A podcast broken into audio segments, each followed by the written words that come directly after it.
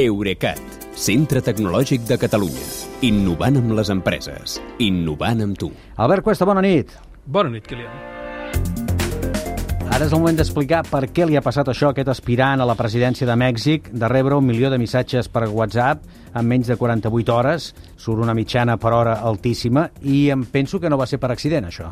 Surt un missatge cada 40 segons. Per Un missatge exactes. cada 40 Sí. segons. Però no va ser per accident, com bé dius, sinó perquè Marcelo Ebrard, que és el, el, aquesta persona, va publicar voluntàriament el seu número de telèfon a Twitter, on hi té més de 2 milions de seguidors, i els va convidar a escriure-li missatges.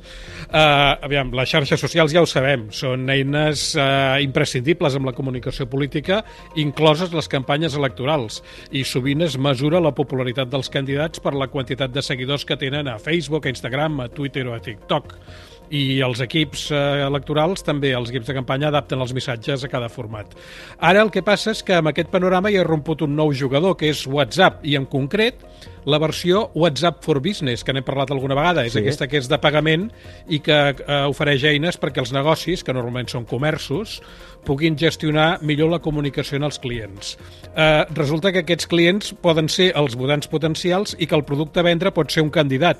I en el cas de Marcelo Ebrard, com dèiem, eh, almenys un milió de ciutadans li han escrit a un ritme d'un missatge cada 40 segons el número de telèfon que va fer públic, des d'on els va responent els missatges manualment un equip de 30 persones, tot i que es veu que el mateix eh, Marcelo Ebrard també respon personalment algunes vegades en forma de nota de veu que sovint eh, l'equip l'envia a més d'un destinatari.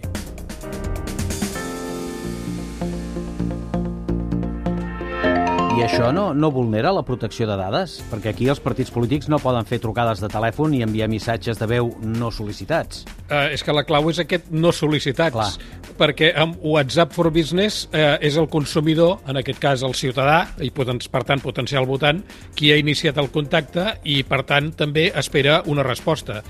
De tota manera, eh, l'autèntica potència d'aquest ús electoral de WhatsApp for Business no són els missatges de resposta del candidat, sinó els milions de números de telèfon mòbil que la seva campanya aconseguirà recopilar d'aquesta manera i que, a més, els podran creuar amb altres bases de dades de tercers i generar perfils personalitzats dels votants potencials i fer-ho en molta més precisió que la que donen els seguidors en, una, en, una, en qualsevol altra xarxa social.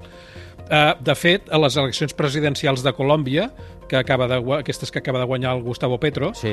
el seu oponent Rodolfo Hernández també va fer servir una plataforma de, de màrqueting polític basada precisament en WhatsApp. En definitiva, aquí sí que arriba a una conclusió bastant clara. Cada vegada sembla més difícil fugir de la propaganda electoral, eh?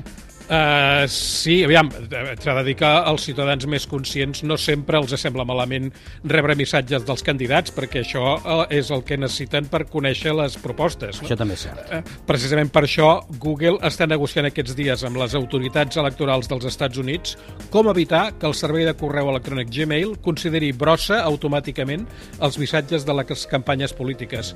I això, eh, per altra banda, si passa, és perquè el filtre aprèn de les moltes persones que els han marcat voluntàriament precisament com a no desitjats. Clar. Bé, sigui com sigui, la política hi és i la tindrem aquí al nostre costat sempre doncs, que arribi pels mitjans que toqui. Gràcies, gràcies i molt bona nit. Bona nit, Kilian. Fins demà.